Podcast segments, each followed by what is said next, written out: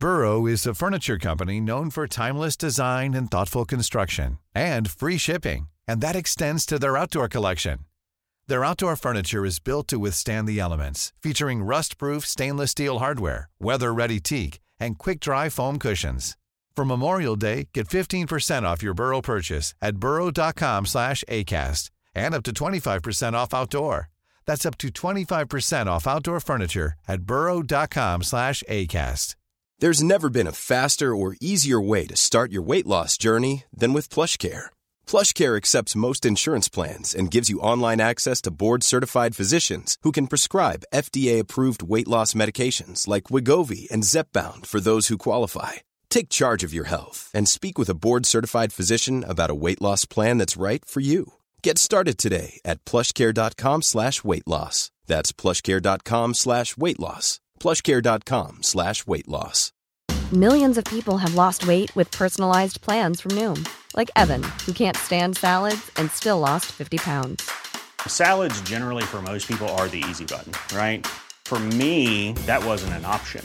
I never really was a salad guy. That's just not who I am. But Noom worked for me. Get your personalized plan today at Noom.com. Real Noom user compensated to provide their story. In four weeks, the typical new user can expect to lose one to two pounds per week. Individual results may vary. Gjenklang.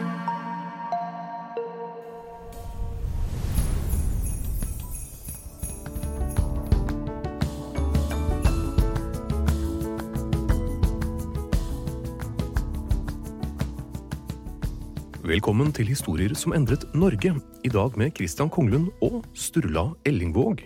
Velkommen. Tusen takk. Du er eh, historiker, du har 18 års erfaring med historiefaglig DNA-forskning, og nå er du ute med en bok sammen med podkaster Wolfgang V. Ja, det, det stemmer. Ja. Det, det er, da ser vi på norgeshistorien. 12 000 år 12 000 år. med norsk historie. Men eh, historiefaglig DNA-forskning, hva er det? Ja, det var, det var jo litt av et uttrykk. Eh, Det er jo bare at uh, i starten så jobba kanskje ikke genetikerne så godt sammen med ja, arkeologer og en, en del andre. Det var litt mer hver for seg? Ja, det var litt, og, og genetikerne var ikke så øh, altså De leste Wikipedia for å, for å prøve å forstå historie. Og ja, det var litt sånt Det tverrfaglige var kanskje ikke så i fokus. Men Men- nå begynner det å bli noe? Ja, det har endra seg de siste ti åra. Hvor flere og flere har kommet inn, og det er, det er rom for Altså, både arkeologene ser at det er nyttig og viktig å jobbe med genetikere, og, og genetikken beviser jo Det er naturvitenskapelig bevis, ikke sant? Men, men vi har langt på vei bevist at all den gode jobben som arkeologer har gjort i en årrekke, er jo i stor grad rett. da. Så det er jo også veldig passende. Ja. Så, så straks liksom folk begynte å prate litt sammen, så, så, så ble det jo bra. Og jeg, jeg har blitt invitert til ganske mange prosjekter opp gjennom årene. Mhm. Og um, det er veldig spennende å være historiker, da, for det, det er en del begrensninger for både genetikere og arkeologer om Mm. hva de kan se på. Du har ditt felt, og mange er veldig redd for å gå utenfor sitt felt, og det, det skjønner jeg jo, men det er jo forskjellige typer historikere, og jeg er en av de som ser eh, historien i lange tidsintervaller. Og da er det mye som går igjen. Altså, tiden er ikke lineær, men den er syklisk. Og da begynner det å virkelig bli spennende. Og da kan vi se på hele historien hvor som helst. Altså ikke bare i Norge, men det blir eh, variasjoner på samme tema, da. Ja. Men, men da ser vi da at eksempel klima og geografi har hatt veldig mye å si med hvordan vi har blitt som vi har blitt. Det er jo veldig, veldig spennende. Og et eh, gjennomgående tema i boken deres er å fortelle norgeshistorien fra nord mot sør. Ja. Ikke motsatt. Ja, og det er eh, veldig fristende, egentlig. Både Wolfgang og jeg har eh, faktisk vokst opp i Bærum, men vi har innflytterforeldre fra Vestlandet. Jeg også. Ja, du verden. Ja. Se der. Det er nok mange Oslo-folk som har det, men, men eh, det, det er litt sånn viktig. fra rett ved der Wolfgang eh, Ja. vokste opp. Jeg prøver å få Wolfgang til å bytte etternavnet sitt, da, for det er WEE. Ja. Men hvis det bare er VE, så betyr det helligdom fra gammelt av. Oi! Ja, det er de gamle, sånn som utenfor Hønefoss, hvor det har ved, veien og ved. Uh, og det er urgårder fra gammelt av. Mye mer staselig enn Ja, ja, ja, der men W. Det er jo Han må bare endre navn, da. Ja, ja, ja. Men, men uh, det som er litt sånn besynderlig, er at uh, jeg, jeg reiser mye rundt. Og akkurat nå reiser jeg spesielt mye rundt, oppe i nord mye. Og når jeg forteller om viser og forteller fra boka, og jeg får så vanvittig gode tilbakemeldinger fordi, eh, Bare fordi vi forteller historien nordfra og mot sør. Men det vi ser, er at det er så mye som går igjen. Det okay. som de oppe i nord kaller for, for norskningsprosesser. Det kaller vi på Sunnmøre, eller på Møre, i Møre og Romsdal, da, for fordanskningsprosesser. Det er Altså, det er ikke bare språkkamp, men det er utrolig mange måter å både få tak i ressursene som er i Norge og Sverige, fordi det er masse ressurser, som det har alltid vært det. Ser vi i alle tidsperioder, også nå. Men også å få kontroll på folk på. Og det er utrolig mange måter å få kontroll på folk på. Det meste, det mest populære, sett fra et sør-fra mot nord-perspektiv, det er å få grupper av nordmenn til å krangle internt. Altså sette gode Eller grupper av nordmenn opp mot hverandre. Enten det er sykehuskamp eller eh, Ja. vindkraft eller kommune-fylkessammenslåing eller veiprosjekter og alt mulig. ikke sant? Men det, dette her har jo pågått i hele dansketiden. Um, og spesielt med alkohol. Alle avholdsbevegelsene på Ja. Nordvestlandet for eksempel, som kom fram, eller spesielt på Sunnmøre, hvor det også har bibelbelte, i tillegg til sør, lenger sør i Norge. Double trouble. Ja, men du har jo også den samme alkoholpolitikken da oppe i Finnmark, for eksempel. Og, og, og med, med helt andre konsekvenser. Og, og, og det kan man også se andre steder, hvor eh, danskene har, eh, har styrt, da, sånn som på Grønland. Hvor det er for eksempel en alarmerende høy selvmordsrate, dessverre, hos menn. Og det har det vært i alle år. Det er helt forferdelig, egentlig. Heldigvis er den på vei ned, men eh, det er litt sånn voldsomt. Det er ikke bare at vi er langt mot nord og det er lite sol. Du vet, eh, i skolebøkene våre så, så står det jo en historie. Og eh, fra mitt ståsted så er det seierherrene som har skrevet historien. Og den er skrevet fra sør mot nord. Og nå nylig på svensk TV, så, eller akkurat nå faktisk, så går det en sånn eh, TV-serie som er veldig interessant, men der ser du også historien fra sør og mot nord. Oppe i Luleå og i Nord-Sverige er det helt forferdet. Fordi de glemmer jo alt som har vært oppe i nord. Hmm. Hva da, sier du lenger sør, men det er jo alle ressursene. Og, og det har vært en kamp, en enorm kamp. Og så ser vi nå så mye spor og så mye som har skjedd nordpå. Og hvis vi snur på det, så, så blir det jo en helt annen historie. Mm. Og, og, og det er det, vet du, at uh, det går an å se historien fra forskjellige perspektiver. Og det kan vi gjøre overalt, egentlig. Og da blir det veldig spennende. Det gjør det. For eksempel har vi i Norge en helt spesiell, eller i Skandinavia egentlig, en helt spesiell kvinnehistorie. Som uh, går ganske langt tilbake. Hvor vi ser genetisk forbausende stabile kvinnelige populasjoner i tusenvis av år. Jøss. Ikke hos mennene, men hos kvinnene. Og det blir jo kjempespennende å fortelle når du ser nordfra mot sør. Um, og det gjør jeg, da. Det er ikke alle som liker det, men, men, men det går an å gjøre. Ja. Og, og så må vi skille mellom eh, DNA-bevis og tolkebevisene, og også hypoteser og teorier som kommer ut av det, da, selvfølgelig. Men det er spennende å tenke litt nytt, da. Jeg syns ikke vi skal være redd for det, eller ha noe berøringsangst for, for det, da. Men på hvilken måte endrer det ting med altså denne kvinnesynet, hvis det kommer nordfra mot sør? Ja, det er noe jeg snakker mye om nå om dagen. At øh, jeg tror mange glemmer, og spesielt lenger sørpå, og da mener jeg også sør for Norge, utlendinger, i Danmark eksempel, glemmer hvor langt nord egentlig Norge er. Halve Norge er jo, hvis vi snur globusen opp ned, så er vi jo på Antarktis. Det er helt uh, Altså, takk Gud for Golfstrømmen. Det, Ja, ja, ja, ikke sant? Det er Golfstrømmen og, og, som har gjort at vi kan overleve så langt nord.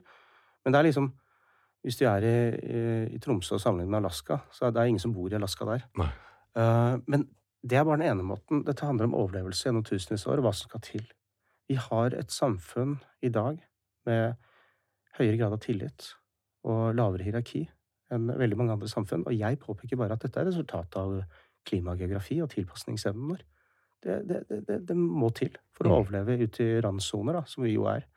Det andre poenget er hvor mange fjell vi har, og hvor høyt oppe vi er i fjellene, sammenlignet med resten av Nord-Europa. Resten av Nord-Europa er så å si flatt, altså nord for Karpatene, sammenlignet da med fjellene i Norge og Sverige. Og det har også mye å si for ressurser. Og helt siden, ja, for så vidt jordbruk, men spesielt i den nordiske bronsealderen, mm. og det å lage bronse, handla mye om å ta litt tinn, Mhm. og som oftest så var det i Cornwall i eh, England. og så blande med inn i en kopperblanding, da. Og, og, og så blir det bronse. Men kopperet fikk du ikke der hvor tinnet var. Nei, nei, var- så enkelt skal det ikke være. Nei, ikke sant? Og, og det var en kjempestor koppergruve i Østerrike, og så var det en annen i Nordøst-Italia, og noe i Spania også. Og, men det var så på enormt store avstander. Og gjennom den nordiske bronsealderen så hadde vi i Skandinavia, eller vi, sier jeg med våre forfedre, hadde jo så mye å bytte med. I. I de store, enorme handelsnettverkene. Her, her ser vi eksempel i Tyskland, eh, dagens Tyskland, så ser vi at vi finner ikke igjen døtre i de eh, rike elitegravene. Okay. Men, men vi finner døtrene i andre graver 350 km unna. I andre elitegraver. Og, og det, det er fordi det er store, nettopp, store allianser. ikke sant? Gave. Å gifte seg. Samme ord, det, på den tiden der. Men, men altså, poenget er at det, her, her var det nødvendig å vedlikeholde enormt store handelsnettverk. Ja. Og her har det mange dyktige arkeologer fremme nå. Christian Christiansen er en av dem. Han har jobbet litt med. Og, og han fremhever jo at i denne tiden her, med alle ressursene som er i Skandinavia, så ser vi en trekanthandel ned til dette som heter høygravkulturen i dagens øh, Østerrike, Ungarn, som hadde mye kontakt med mykensk Hellas, med Skandinavia, i alle retninger, men mest av elvene. Og at det var en sånn slags trekanthandel hvor fra Skandinavia så dro man ned og, henta kopper. Så dro man opp mot England, henta tinn, og så dro man tilbake til Skandinavia. Men det man hadde med seg ned, det var disse handelsvarene hvor rav var den klart viktigste i Østersjøen. For det fantes ikke lenger sør. Og fortsatt i dag, i Kalingrad, så tar det opp 300 tonn rav hvert år. Eller kanskje ikke akkurat nå, da. Wow! 300 tonn. Så det, det, er, det er ganske voldsomt hvor mye rav Altså rav er jo da ikke sant, fra, fra, fra, fra, fra trær. Men det er jo ganske magisk, og de gamle grekerne kalte det for elektron fordi det var elektrisk. da. Altså Du kunne se holde opp mot lyset. ikke sant? Du kunne se Altså, det er jo vakre ja, ja, du kunne se insekter som var mange millioner år gamle, ikke sant? som ikke ligner på noe de har nå. mm. Så det er klart at det var magisk. Og de handlet da med altså mykenerne. Altså, vi snakker Hellas og Kreta Dette er før antikkens Hellas, ikke sant? Det er Ja. før bronsealderkollapsen. Dette er um, disse gudene som vet om Saus og, og, og titanene. Og uh, i boka har vi litt sånn spennende teorier på det, da. Men, men uh, Christian Christiansen, som jeg nevnte, han har jo fremhevet uh, mange ganger hvordan vi ser at det dukker opp mye rav i, eh, på Kreta og dagens Hellas. mm. på øyer og sånn, Delos blant annet. Samtidig som det dukker opp mange bronsealdersverd i eh, Danmark. Over 1000. Og, og øh, han peker på at det har vært veldig mange leiesoldater i bronsealderen som har reist fra Skandinavia ned mot sør og tjenestegjort der nede. Akkurat sånn som senere i romertiden. Og det fine med bronse, som jeg håper vi snart kan gjøre med jern Ja. Det jeg et oppfølgingsspørsmål å ha det der, men ja. Ja, ja, og nå hopper jeg her, altså. Nei, nei, nei. Men det fine med bronse er at eh, vi kan se på kopper og tinn hvor det kommer fra, hvor det er hentet ut, hvilken åre. Det er helt utrolig. Ja, så du kan liksom se, du kan ta et sverd, bronsealdersverd i Danmark eller i Italia, eller, og så kan du gå inn og se da at dette tinnet er fra Cornwall, og dette, denne, dette kopperet er fra Østerrike eller Spania eller Nordøst-Italia eller et av de andre stedene vi vet om. Og, og, og det er helt fascinerende, for da kan man si så mye mer om mobilitet og handel og uh, bruke det på så mange måter. Men Det, ja. ja, tenk deg når vi kan gjøre det med en jern, da. ja, for man kan fortsatt ikke gjøre det med jern. Nettopp. Ah, Men det, jobber, det jobbes med det. snart. Ja, og jeg, jeg tror da Altså, det er mange jeg ikke er klar over, og her kommer jeg inn på nord mot sør. Det er eh, oppe i fjellene henta det ut myrmalm. Og helt oppe i Lofoten og i Finnmark og i um, Helt oppe i Østersjøen i dagens Sverige og Finnmark Nei, unnskyld, Finland. Så henta det ut massevis, men det var i myr og oppi denne myrmalmen fra uh, en viss høyde. Det ble sendt nedover på elvene, i vassdragene. Mm. Og den som kontrollerte, da, der hvor alle vassdragene kulminerte, da, sånn som Hønefoss, Tyrifjorden, Øvre og Nedre Eiker og Borre, ett og samme område, nederst i Drammensvassdraget, den som kontrollerte der, satt på enormt mye makt. Men de drev også med, med jernutvinning og jernmalm lenger nord. Ja, det er det som mange glemmer, da, sånn som jeg nevnte den TV-serien i, Sverige, hvor du blir så forferda hvor det ikke Herregud, dere har jo blitt rike på grunn av alt oppe i nord. Eh, Og så bare hoppa han over det i historien, ikke sant? Og, og det er det som er vittig da å se at um, det har vært enormt mye som ble frakta nedover fra fjellene oppe i Nord-Norge. Men når det kom ned til Trøndelag, med alle disse handelsvarene. Der hvor det nå nylig ble funnet en eh, vikinggrav, uh, et vikingskip, antageligvis da. Men det er fra før vikingtida. År 700, på Lekka. Men det er Nærøysund, og, og et veldig spesielt og spennende område. Der har du liksom uh, flere steder på Sørsida også. Og, uh, samme med mm, Overhalla og rett østover. Det som var når disse handelsvarene kommer nedover, for det var jo ikke bare myrmalm, men det var det mest verdifulle, Ja. så ble det frakta østover. Sånn som du kom ned inn i Trondheimsfjorden, eh, så er det da gården Værnes, som er også en sånn gammel urgård, Mm. opp Stjørdal, Meråker, og straks du kommer til dagens svenskegrense, så går det da på elver og eh, vann, forbi Frøsøen, Ja. eh, ned til dagens Sundsvall.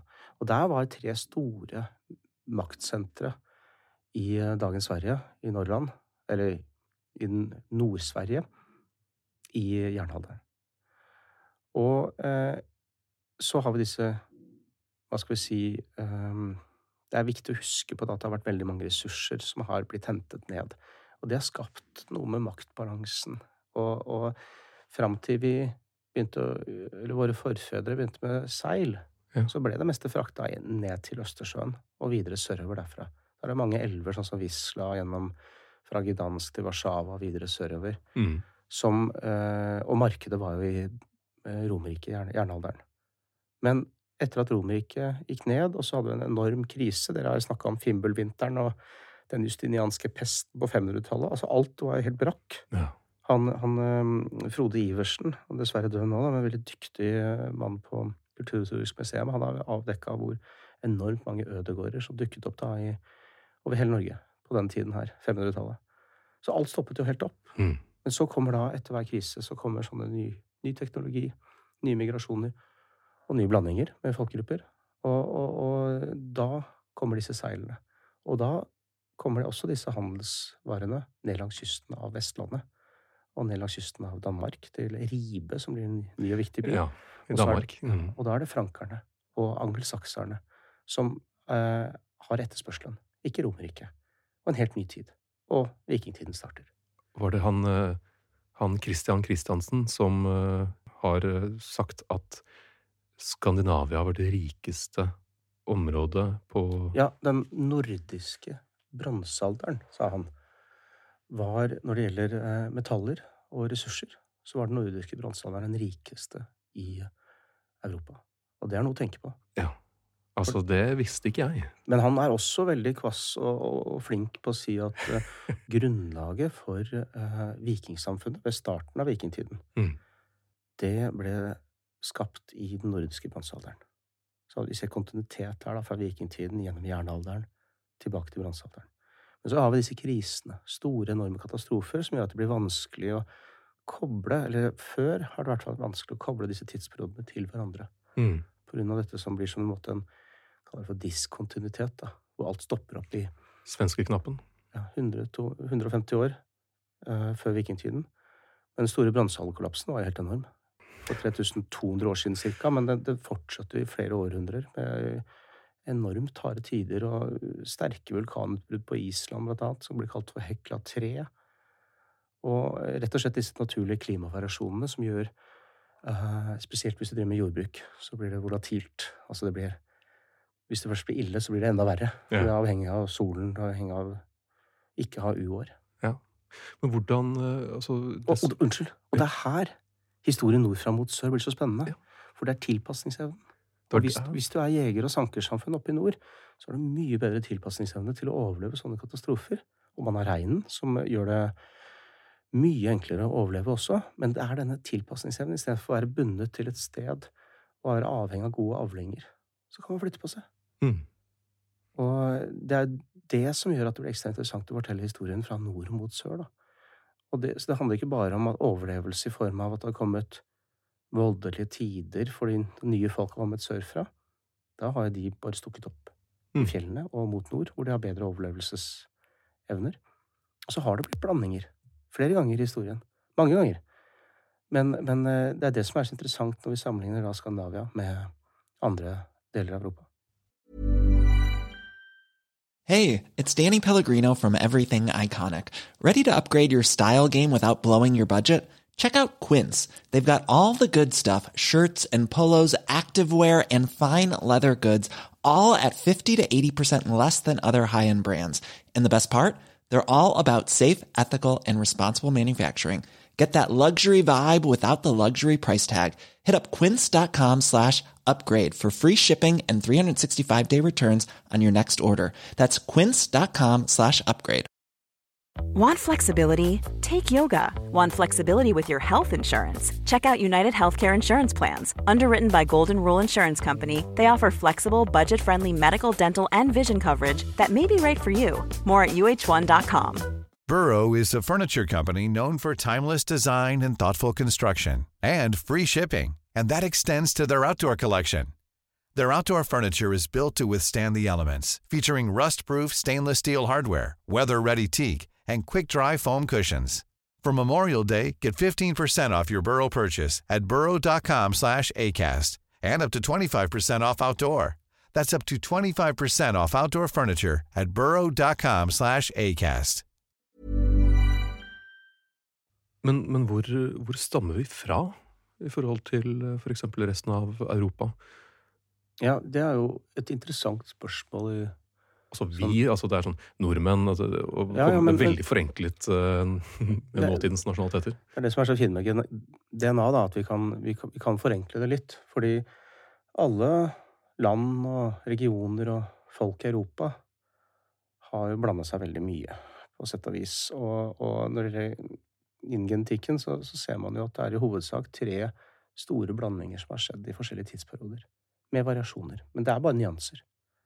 Alle består av forfedre som har vært jegere og sankere. Og så har det vært en jordbruksrevolusjon som har eh, ført til en ny migrasjon inn, som blir kalt for early European farmer. Men jo lenger inn i Europa de har kommet, når de har fulgt Donau oppover og innover Europa, så ser vi at de har blandet seg mer og mer med disse jeger- og sankersamfunnet. Og så har etter hvert da krigerne kommet, som blir kalt for Jamna-krigerne, med indoeuropeiske språk, som erobret eh, på en ganske voldsom måte, men det var jo en voldelig tid før de kom, med jordbrukerne. Dette var jo den første gangen da i Europa hvor vi ser at mennesker satte seg selv over naturen. Da jordbruk kom. De tok eierskap til jord, til dyr og til andre mennesker. Klassesamfunn, patriarkat, sterkt patriarkat, kom dette her for rundt 8000 år siden inn i Europa. Etter en stor krise, for øvrig.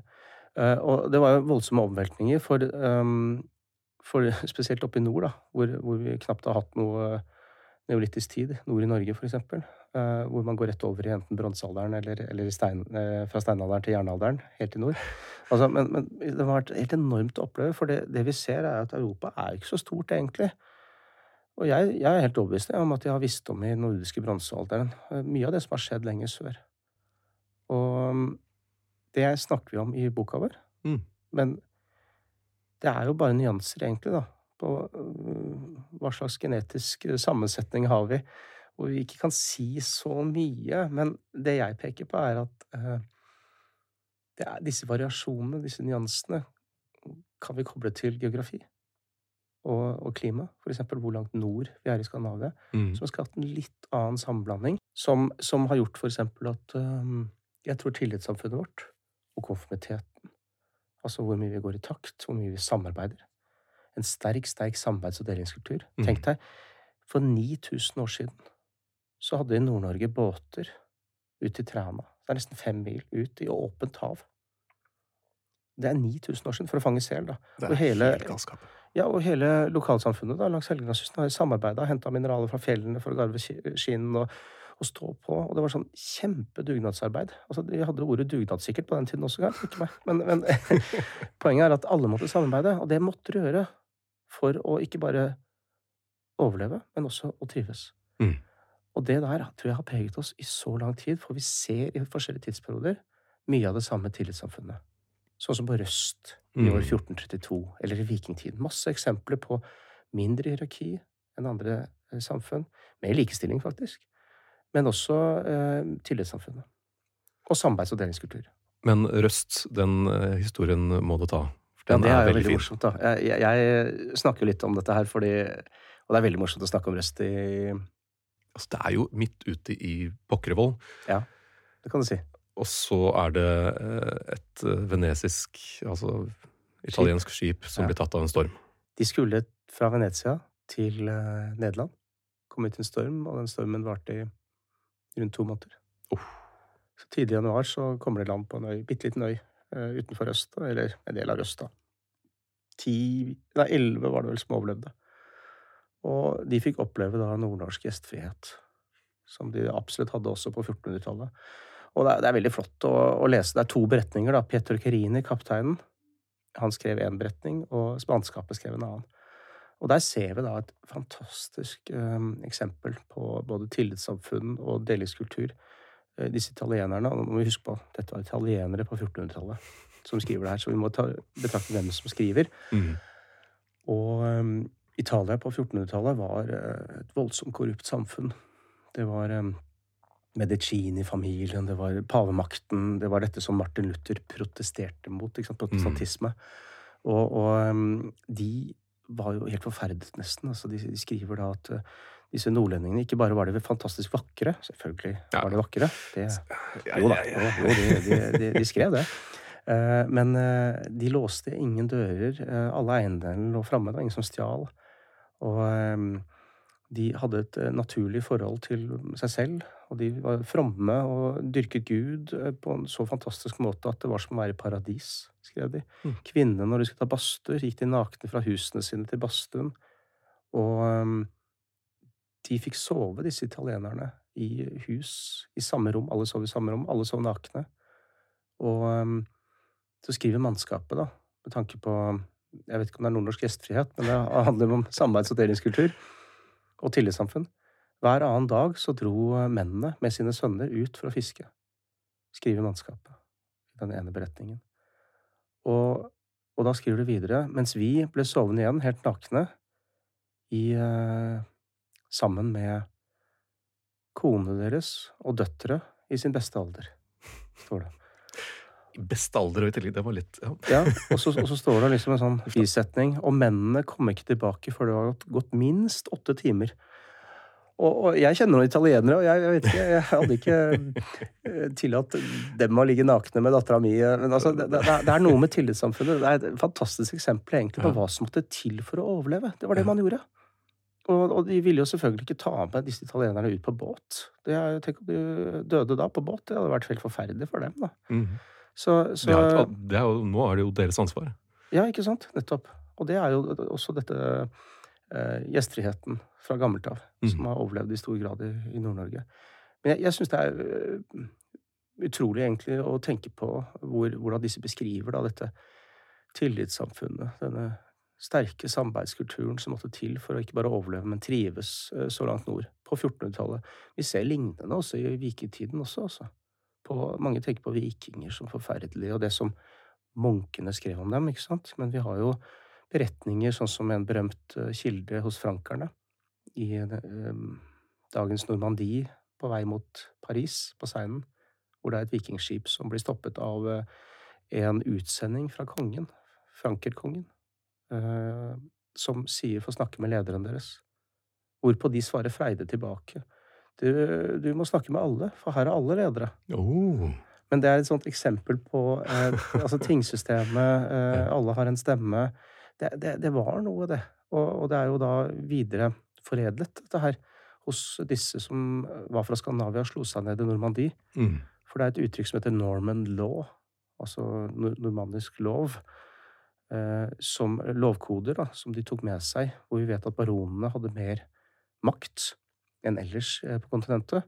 De kunne kaste kongen, akkurat sånn som de gamle germanerne kunne gjøre, og i Skandinavia, Gulatingsloven. Mm. Ja, sånn som svenskene har gjort helt opp til eh, Jean-Baptiste Bernadotte, altså Karl Johan, Mm. på, i 1812, var det vel? Da de hadde byttet ut han. Eller 1809 var det egentlig da de tapte Finland. Men um, dette er gamle tradisjoner. Og, og vi ser det ehm, Da de kom til England i etter 1066 med William Erobreren, så har vi da eh, Hieros Gamos eh, Nei, unnskyld, det var et helt annet uttrykk. Det heter noe som ligner. Eh, Dette her at hver person har sin egen, er sin egen juridiske person. Har, som, altså hver frie person, da, vil jeg merke. Ja, men, Og, og, dette levende lovdokumentet Magna Carta, som Ja. fortsatt eksisterer i dag. Det er, det er den andre, da. Og, og det, det er en måte også um, eh, Det er veldig, veldig fascinerende å se disse lovdokumentene som kommer fram i normannisk England, da. Mm. Som er en arv fra det gamle vikingsamfunnet, kan vi si, som etablerte seg i Normandie, og blandet seg lokalt med lokale elite. Det er viktig å få frem. man kan eh, se det på en måte som at klima, vårt eh, spesielle klima og vår spesielle geografi har formet historisk den, eh, altså nordmannen til å være måtte samarbeide. Ja, og må gå i takt også. Jeg tror eh, konformitetspresset vi har, uh, handler mye om det samme. Og det krasjer litt også. Der hvor min slekt uh, på farssida, fra Nordmøre, så der må man jo være direkte. Og det er mye sånn nordpå også. Altså, man legger ikke noe imellom, for man kan ikke gjøre det. Det er en sterk, sterk kystkultur, og det er farlig, farlig å seile. Hustadvika og lenger nord. Og hvis de ikke hører på båt, så kan hele båten dø. Mm. Den kulturen er kopiert til land. Men så er det andre regioner i Norge og i Sverige hvor, hvor man går veldig rundt grøten og prater veldig mye om å Man måtte tykke til sammen, som de sier i Sverige. Man må bli enig før man går videre. Og det er også et sånt Det krasjer litt, men det er konformiteten da, som, som, som kommer frem Det er Et konformitetspress, da. Som jeg tror også er en del av denne arven. Og hvis jeg tror hvis vi greier å snakke om det her, og vi vet om det, så tror jeg vi greier å ha det bedre sammen. Jeg kan gi deg et annet eksempel også på uh, disse varangierne. Denne Ja. nasjonalgarden, eller keiserlige livgarden, heter det vel, i Konstantinopel til keiseren av Konstantinopel, da det var det østromerske riket, Mm. så fikk jo de ned um, Det var en kontingent på 6000, var det vel, fra Jeg tror det var Valdemar den store eh, på 990-tallet. Så starta den varangiske livgarden. Og de var kjent for å um, virkelig ha ære Mm. i sånn ordentlig vikingforstand. Og det, det setter litt perspektiv på det der bildet som mange har litt feilaktig plantet av disse munkene om, om, Ja. om vikingene. Uh, og det er en lokal kilde som er veldig spennende, med en um, varangier. Altså da en sånn eh, leiesoldat fra Skandinavia som eh, prøvde å voldta en eh, lokal dame. Adeldame, Oi. må vi tro. I hvert fall bevart i kildene. Men hun greier å drepe han med hans eget sverd, eller med et spyd. Og eh, det er litt besynderlig, og grunnen til at det er skrevet ned, dette her, er at neste dag så kommer kameratene, våpenbrødrene, til denne mannen som er død, Mm. til huset til denne kvinnen, og gir henne alle eiendelene hans. Oi. Fordi sånn skal man ikke oppføre seg. Nei. Og det var så bemerkelsesverdig at jeg noterte de kildene. Og, og det syns jeg sier mye om um, at etikk og moral var jo faktisk ganske viktig for dem. Altså det å holde ord og ære. Dette var også en, en periode hvor uh, det altså ja, eh, etikk og moral og det å bli knivstukket i ryggen av en, eh, av en eh, politisk rival, det var jo ganske vanlig. Ja, Det er jo disse varangerne var jo det, det, Når man leser om dem, det, det virker nesten komisk. Ja. Eh, Altså overdrevet. Altså, De sto imot. De Ja, sto, så kommer så mange, og de står der. Vi viker ikke. nei, Men resten av hæren deres har flyktet, men dere, får, dere blir ok. derfor var de eh, spesielt De sto der med sine tvegede sverd som de slo mot skjoldet, og de var spesielt ettertraktet. Harald Hardråde var jo en av disse varangiske lederne, blant annet. Så hadde store slag på Sicilia i, i samarbeid med både lombardere og normannere der. Men det er også en gang hvor um, disse varangierne kaster keiseren. Mm, mot slutten her. Ja, og det er jo også den eh, germanske og, og vikingtradisjonen hvor det er lov å kaste lederne hvis de er misfornøyd. Så det er, det er, det er veldig interessant, det også, da. Um, men, men det er jo her eh, vi i boka vår også da, eh, snakker litt sånn interessant om Nord-Norge også, da, for det er en del teorier om at det alt roet seg litt etter, um, etter Romerriket. Mm. Så ser vi da en eh, antageligvis innvandring til Skandinavia i denne krisetiden. Genetisk influks, blir det kalt, i, til Skandinavia. Av folk som da antageligvis har blandet seg lenger sør. For vi vet det var nærme forbindelser. Mm. Eh, og så er det en teori om disse hunderne, som kanskje Altså Attila og hunderne. At de mm. har Noen slo seg ned i Ungarn, altså Hungary. Ja. Men de snakket finsk-ugrisk språk, de også. vet du. Og vi ser nå genetisk på noen nye studier at eliten blant det som ble ungarere ikke, ikke noe hos dagens ungarere, ungarere. Men eh, hos disse hunderne som slo seg ned der, at de har hatt den samme um, mannlige Y-DNA. Denne samme, gen, samme gener da, som både dagens samer, uh, finner og estlendere. Okay. Og, og det er litt pussig. Men og- ikke dagens ungarere? Nei.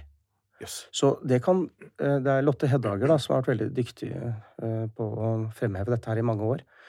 Og, og det kan se ut som hun har rett. Og det er veldig spennende. Det er, um, NRK har jo faktisk en TV-serie på dette her nå, 'Gåten om Odin', hvor de ser litt på dette her. Men eh, Lotte Hedager har snakket om Sør-Sverige hele tiden. Men jeg tenker jo, ja, herregud, hvis de snakket samme språk, og vi vet at oppover langs Øst-Europa, dagens Mm. Øst-Europa, helt opp til Finnmark, så var det da det samme språk og litt av den samme kulturen. Jeg tror det er et eller annet oppe i nord der, det diskuterer vi i boka, som kan forklare eh, de eldste Orknøy-sagaene om hvordan Norge ble bygd, med nord og gor som kom ned, og vi vet at både ladejarlene og mørejarlene og andre familier som slåss mot Harald Hårfagre, hadde de slekt nordfra. Hmm.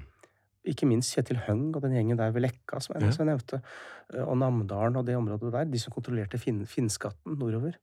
Og jeg vil gjerne avslutte med, hvis vi er på slutten nå, men jeg syns det er fantastisk spennende at da Valdemar Store, den, altså Vladimir den store, Mhm. Som ble eh, fyrste over alle rusfyrstedømmene, storfyrste Kiev For, og, og forresten, rus er jo da tidligere Det er jo viking. Ja, ja, de som dro østover, Ja. ikke sant? Men da han ble kastet, før han kom til makten og tok til seg, det var han som valgte da ortodoks kristendom foran katolsk i år 988.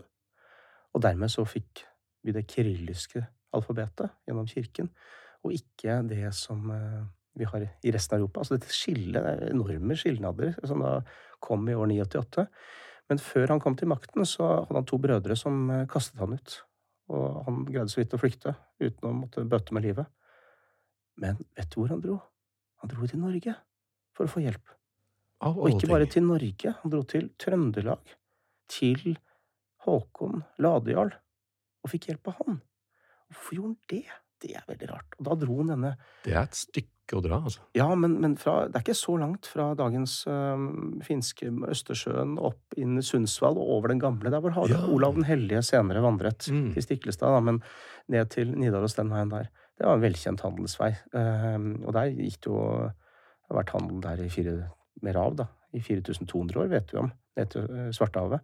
Poenget er bare at han dro dit og fikk hjelp av Håkon Ladejarl og slo sine to brødre med krigere som kom fra Norge, da, fra mm, Trøndelag, og, og fikk han til makten. Som kan forklare hvorfor så mange norske konger i ettertid har eh, hatt nært, veldig nært, blitt fostra opp til og med, hos disse rus... eh. Men det vi vet, da, er at disse Rørik-klanen, som han Vladimir eh, tilhørte, mm. de er også den derre Hapla-gruppen, denne Y-DNA. Samme DNA som da samer og finner og estlendere. Og det er der jeg lurer på, da, hvis disse hunderne kom til Skandinavia, hvis de sier at det stemmer, som noen arkeologer hevder mer og mer nå, mm. hvorfor dro de ikke opp i nord, og så kom de ned Norge den veien der? Kan det forklare det slektskapet som, og denne besynderligheten med Håkon Ladejarl? Det er sånne ting vi ser litt på, hvor vi våger å tenke høyt. Det er spennende. Se om vi kan finne svar på det etter hvert, da. Men med DNA så vet vi det her om fem år. Det er jeg helt sikker på. Det er veldig spennende. Tusen hjertelig takk for at eh, du kunne komme innom og prate litt om eh, ja, Norge.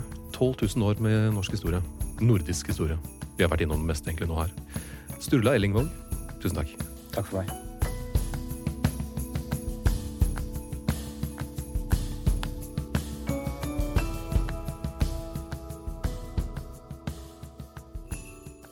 Gjenklang.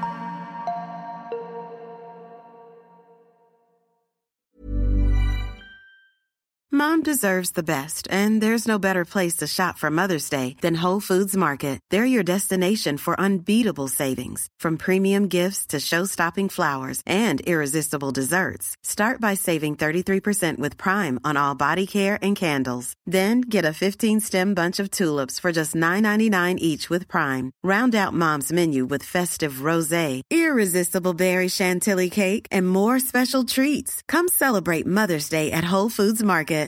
Flexibility is great. That's why there's yoga. Flexibility for your insurance coverage is great too. That's why there's United Healthcare Insurance Plans. Underwritten by Golden Rule Insurance Company, United Healthcare Insurance Plans offer flexible, budget friendly coverage for medical, vision, dental, and more. One of these plans may be right for you if you're, say, between jobs, coming off your parents' plan, turning a side hustle into a full hustle, or even missed open enrollment. Want more flexibility? Find out more about United Healthcare Insurance Plans at uh1.com. Mom deserves the best, and there's no better place to shop for Mother's Day than Whole Foods Market. They're your destination for unbeatable savings, from premium gifts to show-stopping flowers and irresistible desserts. Start by saving 33% with Prime on all body care and candles. Then get a 15-stem bunch of tulips for just $9.99 each with Prime. Round out Mom's menu with festive rosé, irresistible berry chantilly cake, and more special treats. Come celebrate Mother's Day at Whole Foods Market.